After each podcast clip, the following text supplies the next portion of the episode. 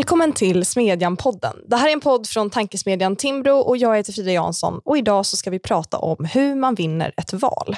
Om ni vill så får ni gärna betygsätta podden i Podcaster och iTunes för att hjälpa fler att hitta hit och tips får ni gärna skicka till smedjan.timbro.se och vi finns som alla andra även på sociala medier.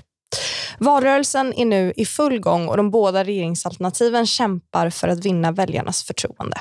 Men hur vinner man val i Sverige egentligen och vilka faktorer spelar störst roll?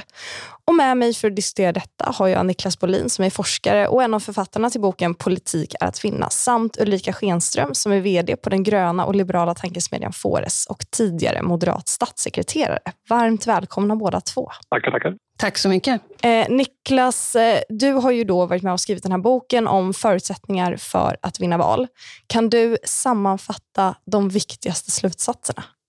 Ja, det är klart att det är svårt att sammanfatta väldigt, väldigt kort sådär, men om man ska lyfta fram någonting som ändå är centralt för att säga någonting om vilka förutsättningar partierna har att bedriva bra valkampanjer så, så är det såklart att partiernas olika ekonomiska muskler har stor betydelse. Inte så att det avgör valet eller ger en, det finns en direkt korrelation mellan eh, pengar och valresultat, men däremot vilka förutsättningar och vad man kan göra inom ramen för sin, sin valkampanj. Eh, man kan säga lite, lite förenklat att ju mer pengar man har, ju mer kan man göra och ju mer sofistikerade kampanjer kan man, kan man bedriva. Du säger att det finns ingen korrelation mellan hur mycket pengar man har och hur bra det går i valet. Nej, det är svårt att, att, att liksom se den korrelationen. Man kan lyfta upp Centerpartiet till exempel som ett gott exempel som är ett parti med, med stora ekonomiska muskler men som relativt sett är ett ganska litet parti. Eh, det som däremot har betydelse det är att eh, de partierna som har stora ekonomiska muskler har ju mycket större möjlighet att göra olika saker och man kan se det väldigt tydligt att de mer eh, ekonomiskt bemedlade partierna också kan göra fler saker. De kan eh, anlita fler, fler personer som jobbar inom kampanjerna. De kan eh, befinna sig på fler olika kommunikationskanaler man kan beställa fler opinionsmätningar och så vidare. Och så vidare. Och det i sin tur har väldigt stor betydelse för hur effektivt kampanjarbete man, man bedriver. Ulrika, från ditt perspektiv, hur stor roll spelar pengar? Nej, jag tror precis som Niklas att det faktiskt inte har någon korrelation till hur valresultatet blir till slut. Eh, och absolut, eh, Centerpartiet är ju faktiskt ett av världens rikaste partier och har ju inte 30 procent. Eh, jag ska nog gå tillbaka till 2002 när borgerligheten förlorade valet för tredje gången i rad. Och hur det, den valutgången när Moderaterna fick 15,2, jag vet inte om ni som lyssnar minns det här, men det var Liberalerna, som då hette Folkpartiet, de fick 13 någonting. Och, eh, ja, det var ganska dålig stämning inom eh, borgerligheten kan man säga. Och, eh, Moderaterna... Inte bland Liberalerna. Där var det ju ja, där var det tippelitopp. Och jag som då jobbade med Bo Lundgren kan berätta att eh, det var outhärdligt jobbigt med denna fantastiskt populära Lars Leijonborg som gick omkring i korridorerna i sin manchesterkostym och glänste. Och sen gjorde vi ju resan eh, med Alliansen, men jag kan börja med det här med, med pengar och hur man vinner val. Det är ju så att vi hade ju inga pengar överhuvudtaget, Moderaterna, och vi stod där och drack alldeles för mycket kaffe och funderade på vad vi skulle göra, för vi hade ju inga pengar, vi fick sparka människor. Det var det vi fick börja med att göra efter valet 02. Men vi valde att anställa ett antal få mycket kompetenta nationalekonomer. Hans Lindblad, Eva Uddén Sonnegård och sen hade vi ett par där kvar. Så vi byggde istället ett, ett kansli som kunde göra reformer. Och sen började vi resan med att göra just reformpolitiken. Och det var verkligen inte några glassig, glassigt, utan eh, man får inse att har man inga pengar så får man åka på långa kampanjer på, med rälsbuss med kanske en journalist utan fotograf med sig och eh, man får åka eh, liksom, rälsbuss och sådär. Så det är verkligen inte glassigt att sitta utan pengar i opposition. Men vad du har, du kan ha din hjärna kvar. Du kan lägga pengar på det som vinner val, nämligen reformarbete. Och att få ihop en budget. Och att då faktiskt kunna vinna och vara regeringsbärande. Sen, när man är klar med ett sånt arbete, vilket tar flera år att göra, och man får liksom göra såna osexiga saker som att snickra ihop en ny trafikskadeförsäkring och man får göra sånt där. Och då är det verkligen inte i något kampanjsammanhang utan man får åka och förankra i partiet så att de nya ståndpunkter som sänkt a-kassa, eh, jobbskatteavdrag och så vidare, och så vidare att det sjunker in i partiet så att alla pratar samma sak. Sen kommer snickrandet på en eventuell kampanj som bottnar i en reformagenda och en finansierad budget. Så att när man, om man skulle komma in i regeringsställning, faktiskt vet vad man ska göra där. Men generellt, för det är ju ändå så att även om Moderaterna inte har lika mycket pengar som Socialdemokraterna och Centerpartiet, så eh, om man liksom tittar på partiernas budget så är det ju ändå ja, men, relativt stora skillnader mellan till exempel de partierna och Liberalerna och Kristdemokraterna och Vänsterpartiet. Eh, har man lika goda förutsättningar som ett mindre parti att göra den typen av reformarbete som du pratar om? Eller det tror jag, därför att, därför att det handlar ju om att man engagerar sig politiskt för viljan av att förändra och förbättra för andra människor. Vilket gör att det är din egen drivkraft att vilja jobba dygnet runt och få fram de här reformerna, reformpaketen, en ihopsatt finansierad budget och politik. Det kostar inte särskilt mycket pengar. Du behöver ett antal utredare och du behöver ett gäng inom ett parti som verkligen driver detta. Nu var det ju så, det ska vi komma ihåg, att när Moderaterna fick 15,2 så fick ju sen Fredrik, på grund av att det var ett sånt katastrofval, så fick ju Fredrik Reinfeldt hela mandatet. Så folk rättade ju in sig i ledet för att man trodde på att det här kunde gå bra. Eh, Niklas, när du hör liksom Ulrika berätta, du har ju tittat på eh, ja, men valkampanjen 2010, 2014 och 2018, eller hur? Ja, stämmer bra det. Kan man, kan man se den här typen av, alltså hur stor del handlar i då kampanjerna eller i partiernas budskap, hur stor del handlar om så att säga reformarbetet och de politiska idéerna och hur mycket handlar om då hur man finansierar eller eh, vilka annonser man har eller eh, hur man presterar i en partiledardebatt? Går det att säga någonting om eh, vad som så att säga spelar störst roll? Idéerna eller eh, vad ska man säga, hur man för ut dem? Jag, jag tror inte att det går att särskilja dem från varandra helt och hållet. Det är som Ulrika är inne på, att i grund och botten så måste partierna naturligtvis ha, ha idéer eh, och politik som, som attraherar väljare. Det är, det är liksom själva grunden. Att ett, ett parti som inte bottnar i sina åsikter och som inte har tänkt igenom sin politik kommer ju aldrig att få eh, något större genomslag. Men med detta som grund så kan man ju sen också eh, försöka få ut det på olika sätt och där tror jag att ändå pengar har en viss betydelse eller har stor betydelse på så sätt att eh, större plånbok ger också större möjligheter att, att eh, anpassa budskapet genom att göra målgruppsanalyser. Det handlar om att göra opinionsmätningar och hålla i fokusgrupper för att förstå sig på hur folk reagerar på sitt budskap, hur man ska paketera det. Så det är inte så att man går ut till väljarna och frågar vad de vill eh, och exakt gör som de säger utan det handlar om att man, man bottnar i sina åsikter, i sin ideologi och sen formulerar man budskapet på ett sådant sätt som eh, man tror kommer att eh, attrahera de väljare man, som man vill nå ut till. Ehm, det är så många partier som börjar i just det du pratar om Niklas och skiter i hela reformarbetet och sen tänker ah, vi ska vinna unga kvinnor i Stockholms innerstad. Ah, de är intresserade av jämställda löner. Okej, då pratar vi det istället för att börja åt andra hållet. Vad är det vi står inför för problem? Vad är det som Sverige står inför? Vad står Europa för? Var någonstans kan vi göra någonting? Vad vill vi? Och i vilken ordning vill vi göra det?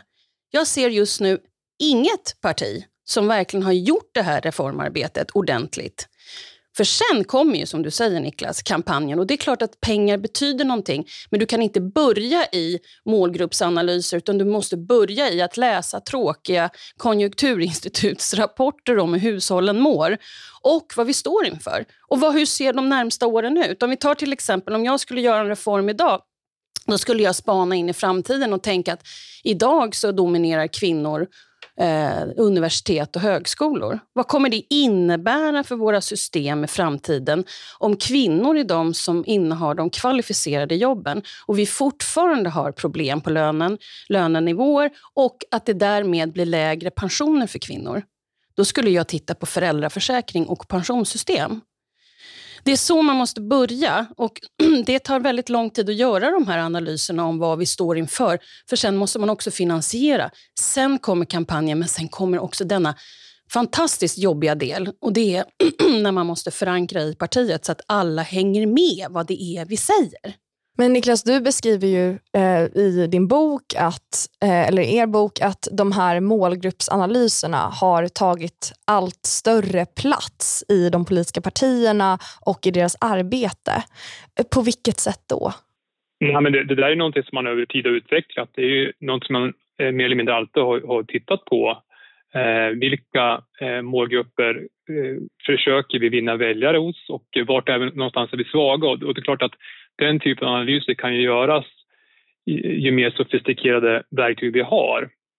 Men det kan man också se vissa skillnader partierna arbetar. Vissa fokuserar på grupper där man redan är stark och tror att det är där man har högst potential medan andra, man kanske kan lyfta fram till exempel Sverigedemokraterna som ett exempel här där man pratar om att man vill eh, eh lyfta fram eh, politik som ska attrahera kvinnor eller för den delen eh, personer med utländsk bakgrund, det vill säga grupper som man är förhållandevis svaga i. Så att eh, målgruppsanalyserna har ju blivit mer sofistikerade och, och mer betydelsefulla men används lite grann på olika sätt eh, inom de olika partierna. Men eh, skulle du säga att det, om man tänker på hur partierna opererar eller arbetar, att man börjar ändå på något sätt i målgruppsanalysen och sen går man till politiken? Eller hur ser det förhållandet ut? Nej, jag, jag är inte alls oense med, med Ulrika. Jag tror också att, att, att, att uh, politiken måste börja i politiken, det vill säga vilken men var, var, vilken ideologi bottnar vi och vilket utfall får vi i sakpolitik politik där och naturligtvis se över sin politik kontinuerligt. Eh, det, det har inte någon annan åsikt än vad Ulrika har.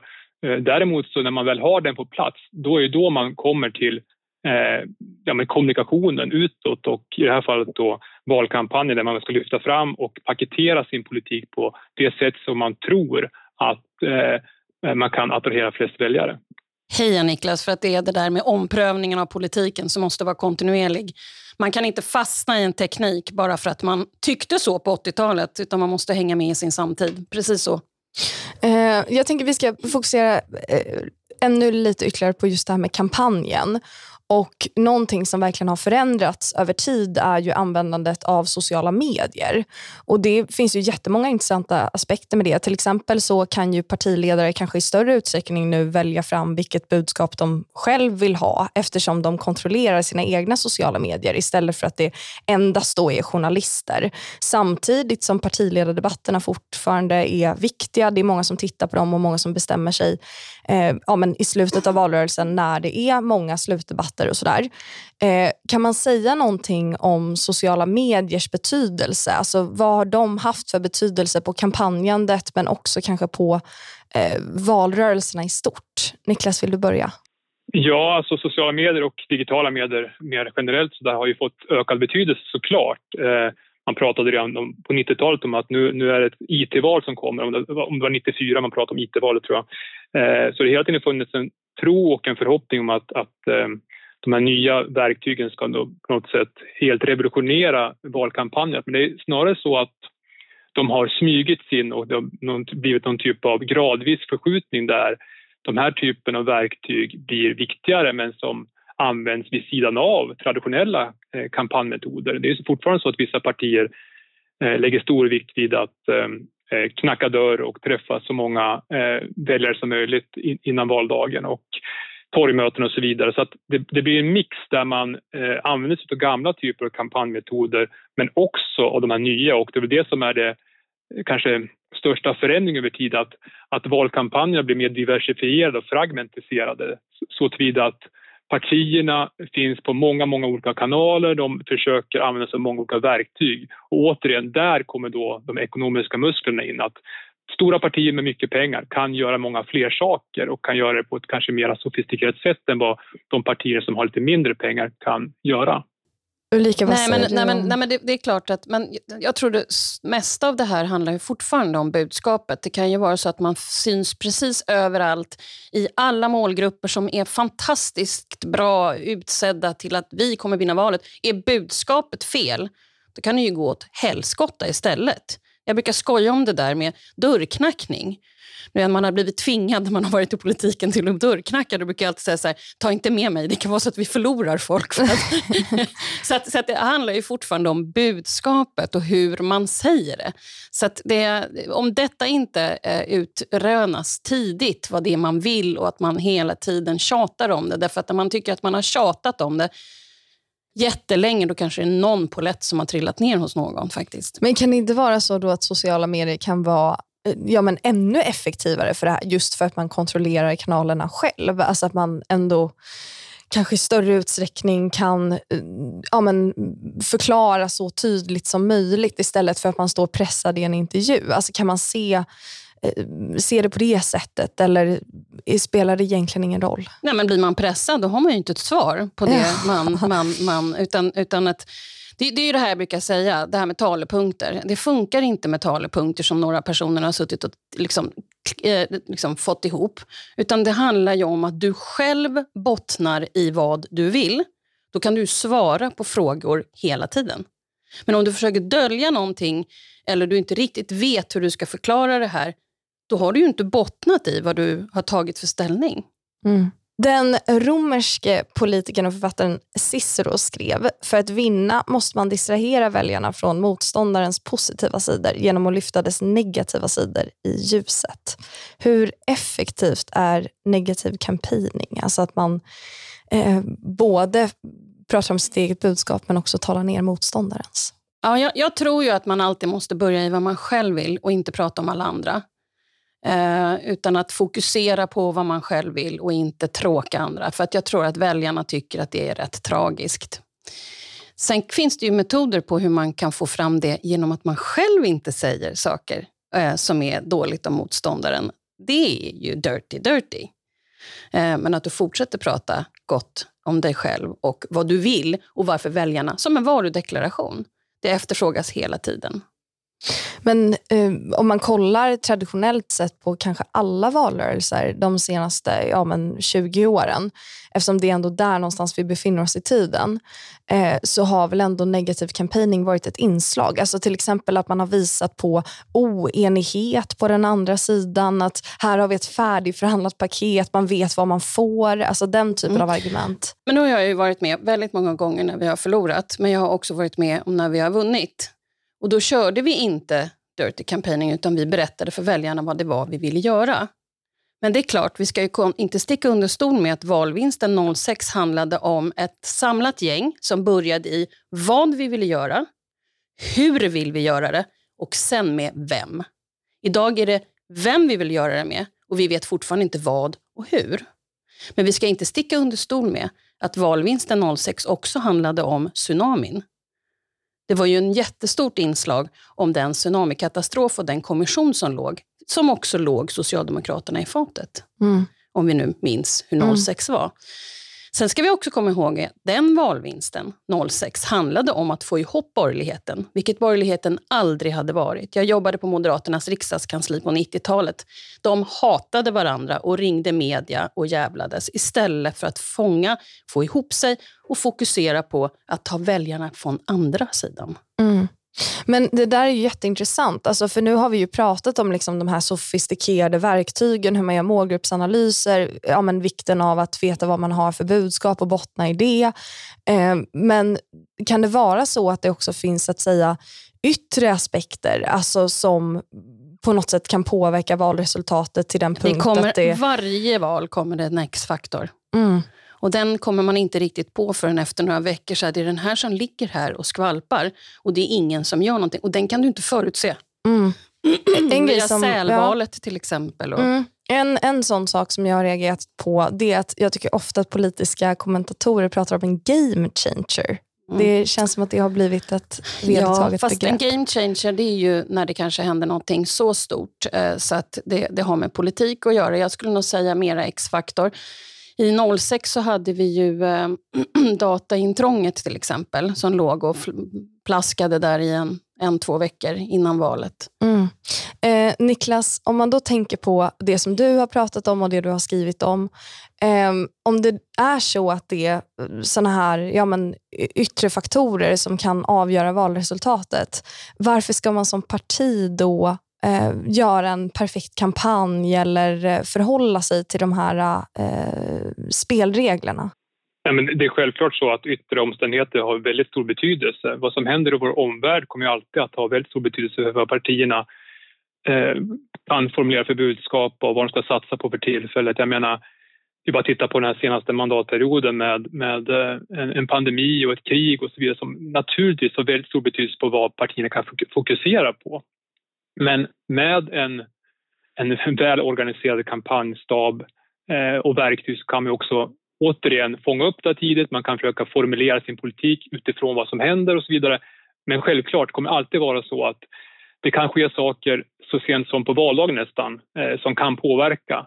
Eh, och då gäller, det, då gäller det för partierna att ha beredskap för det men man kan aldrig veta vad som kommer hända utan det är ju, ja, vår omvärld är föränderlig. Man kan ta som exempel eh, förra valrörelsen och 2018 där sommaren handlade mycket om eh, såväl bilbränder som torka och eh, eh, skogsbränder och eh, många trodde att det skulle avgöra valet, att det var de politikområden som skulle vara viktiga. Men när vi kom till valdagen 2018 och frågade väljarna vilka som var de viktigaste frågorna så var det inte de här frågorna utan saker händer fort och, och det gäller att vara på tårna från partiernas sida.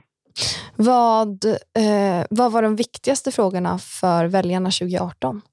Den, den, viktigaste frågan som dök upp då i de här eh, enkätundersökningarna som gjordes var väl sjukvården som låg högst, låg högst upp. Men det som också var ganska eh, anmärkningsvärt var att det var inte någon fråga som stack ut väldigt mycket utan det var väldigt många frågor som, som, som lyftes upp bland väljarna. Det är också som ett tecken i, i tiden kan, kan, kan, man lyfta fram att, att eh, det blir mer fragmenterat. Det är svåra att få enskilda frågor att få fotfäste och det är många frågor som diskuteras samtidigt som det finns många olika kanaler att diskutera. Så att såväl det mediala eh, eh, samhället och, eh, och väljarnas profiler och eh, eh, viktigaste frågor blir, blir mer fragmentiserat och då blir det naturligtvis svårare också att fånga upp vad som är den frågan som är den valvinnande frågan. Mm. En annan sån eh, yttre aspekt är ju det som kallas det politiska spelet.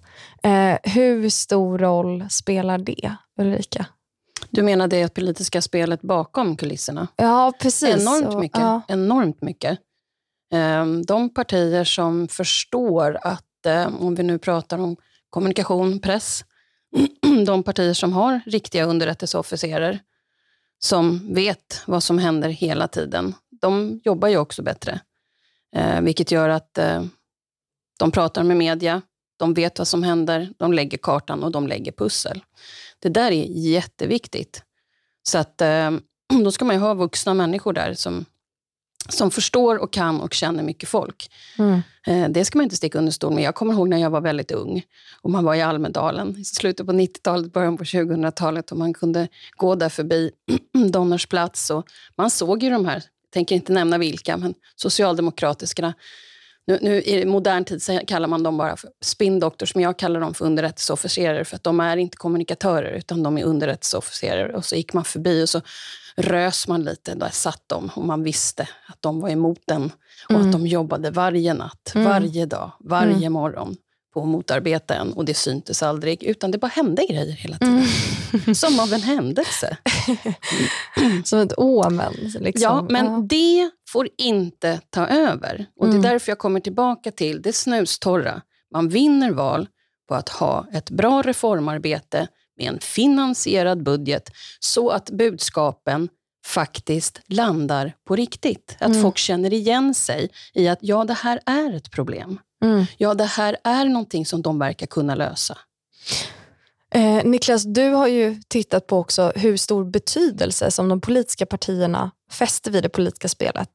Visst har jag förstått det rätt då? Ja, och det beror också på vad vi faktiskt menar när vi pratar om det politiska spelet. Jag menar, pratar vi också om sånt som vem som tar vem och eh, upp ett regeringspussel och vilka som kan tänka sig sitta i samma rum som, som andra så, så, så, så har ju det politiska spelet väldigt stor betydelse, åtminstone om man, om man tittar på medias rapportering. Och, eh, det blev till exempel en väldigt stor nyhet häromdagen när eh, Annie Lööf gick ut och indikerade att, att Centerpartiet kan tänka sig att sitta i en, i en S-ledd regering. Eh, men jag tycker också man ska vara lite balanserad och säga att, att allt politiskt spel, är, om, om vi pratar om den här typen av politiskt spel, är inte negativt utan eh, det är också en viktig konsumentupplysning för väljarna. Eh, vilka man kan tänka sig att samarbeta med, vilka man inte kan tänka sig att samarbeta med. För det säger ju också någonting om möjligheten att få igenom den politik som man har eh, jobbat fram eh, eh, genom, genom att, att eh, bottna sin ideologi och ta fram politiska förslag. Så att den här typen av, av eh, utspel är ju också nödvändigt. Sen får det inte stå tillbaka för diskussionen och eh, upplysning om var partierna står någonstans sakpolitiskt. Men återigen, det här har ju, det, har ju, det påverkar varandra och möjligheten att genomdriva sin politik har ju betydelse eh, så att, eh, om, man, om man tar hänsyn till vilka man ska samarbeta med och så vidare. Men, Niklas, Men vi gör ju också det... Förlåt.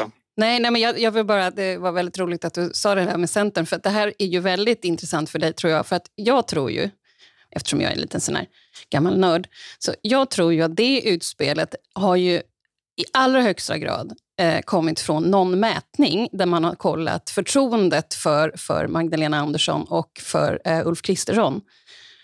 Och så har man själv gjort undersökningar på vilka väljare man har potential på. Och så annars hade man inte gjort det där. Så där, det här är något för dig Niklas, helt och hållet. Varsågod.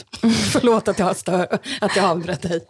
Men jag undrar Niklas, eh, vad, om man kan säga någonting, för jag förstår det som att det är ganska stor skillnad på de politiska partierna. Vilka politiska partier som tycker att det politiska spelet är väldigt viktigt?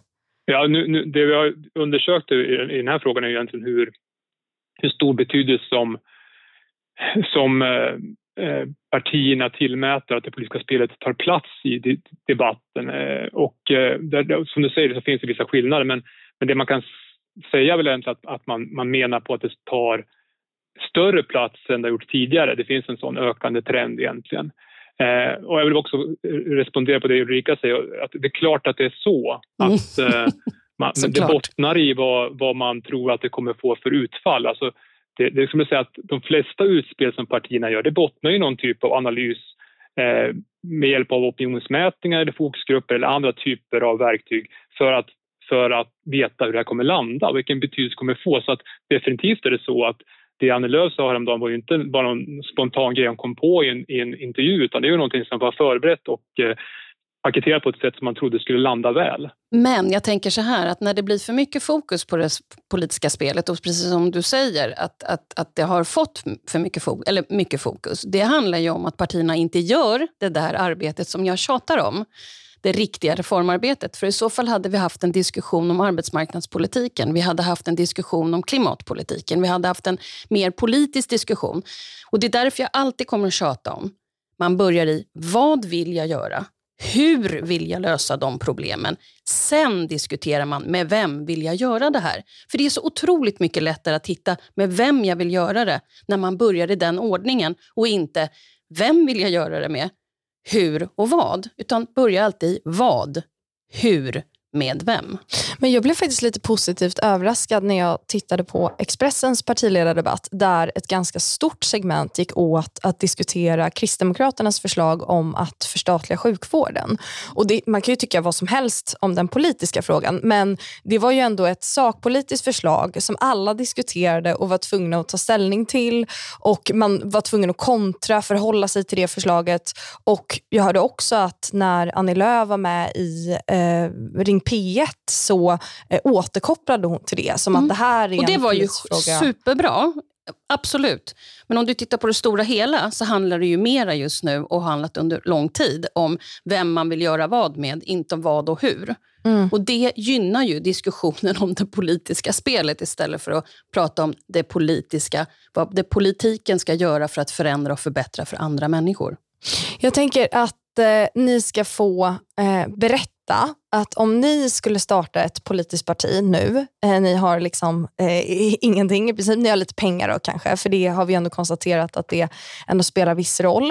Eh, hur skulle ni eh, operera? Alltså, vad skulle vara era viktigaste prioriteringar i ert nya då, politiska parti för att göra en bra valkampanj? Niklas, du får börja. Ja, men egentligen i grund och botten så är det två saker som är viktiga för ett parti när det gäller att, att, att, att komma fram Eh, och, och, det är saker som egentligen varit giltigt ganska länge och Eh, det ena handlar om att, det som Ulrika är inne på, man måste ha en politik som någonstans attraherar väljare. Det måste finnas någonting, man måste ha en, en USP, en unique selling point som på något sätt gör att man kan attrahera en tillräckligt stor del av väljarkåren. Men för att det också ska vara möjligt att, att attrahera så måste man också komma igenom det som ibland kallas för synlighetsfiltret. Man måste någonstans göra sig synlig för väljarna. Måste, väljarna måste veta att man finns och, och med det, det kan man göra på må, må, många olika sätt. Och tidigare så var det svårare för nya partier att komma fram men idag så finns det trots allt många fler kommunikationskanaler där man själv också kan vara eh, formulera sitt budskap omedierat av andra, det vill säga till exempel via sociala medier eller andra kanaler som, där man någonstans kan eh, nå ut till väljarna. Men det handlar om att eh, göra sig synlig och det handlar om att ha ett bra budskap. Vad säger du Ulrika? Jag skulle börja med att samla ett par väldigt eh, bra personer som vet hur man snickrar reformer. Um, och jag skulle se till att uh, ha ett gäng som verkligen är dedikerade för det handlar väldigt mycket om enskilda individer och hur man jobbar tillsammans och att man inte motarbetar varandra i ett parti, utan att man jobbar tillsammans målmedvetet och har samma fokus på just reformarbetet. Och när man har snickrat det klart och vet det här vill vi göra om vi skulle få komma till regeringsställning, då börjar jag söka med lykta efter vem jag skulle kunna tänkas göra det här tillsammans med. Men man måste också få partiet att samlas under det här paraplyet, kampanjen, den som Niklas tittar på. Och den är jätteviktig, just också för internt, lika mycket som externt. Att, att det här finns att kampanja med, att materialet är gångbart, att folk förstår. Men då måste du ha börjat i det här järngänget som verkligen vill göra någonting och som vill förändra och förbättra och inte bara engagerat sig för maktens skull utan och, och då enkelt försöker hoppa över hela reformarbetet och gå direkt på målgrupper. Det är jätteviktigt. Så att börja i rätt ände. Arbeta långsiktigt. Det är inte roligt. Jo, det är det, men man är ganska ensam. Så, Det blir lite flashigare sen, men man mm. måste börja i det tråkiga och det jobbiga och det är att ta reda på hur man vill förändra och förbättra Sverige för medborgarna som bor där. Eh, tack så jättemycket. Jag, jag tror att det skulle gå bra för era politiska partier om ni, om ni startade dem. Eh, jag tycker också att det är väldigt intressant med, eh, om man tänker på ändå hur relativt lite sakfrågorna har spelat, med då vissa undantag. Eh, kanske även, tycker jag, kriminaliteten, att det också är en sån fråga där det ändå handlar om sakfrågor. Men, eh, ja, men till exempel så har ju Socialdemokraterna inte något valmanifest utan eh, pratar om valmålsättningar och sådär. Och det är ju eh, ja, men kanske ett symptom på en generell trend där eh, de här sakfrågorna eh, tar mindre plats helt enkelt. Så. Eh, jag skulle vilja tacka er jättemycket Ulrika Schenström och Niklas Bolin för att ni var med i podden och vi hörs som vanligt nästa vecka.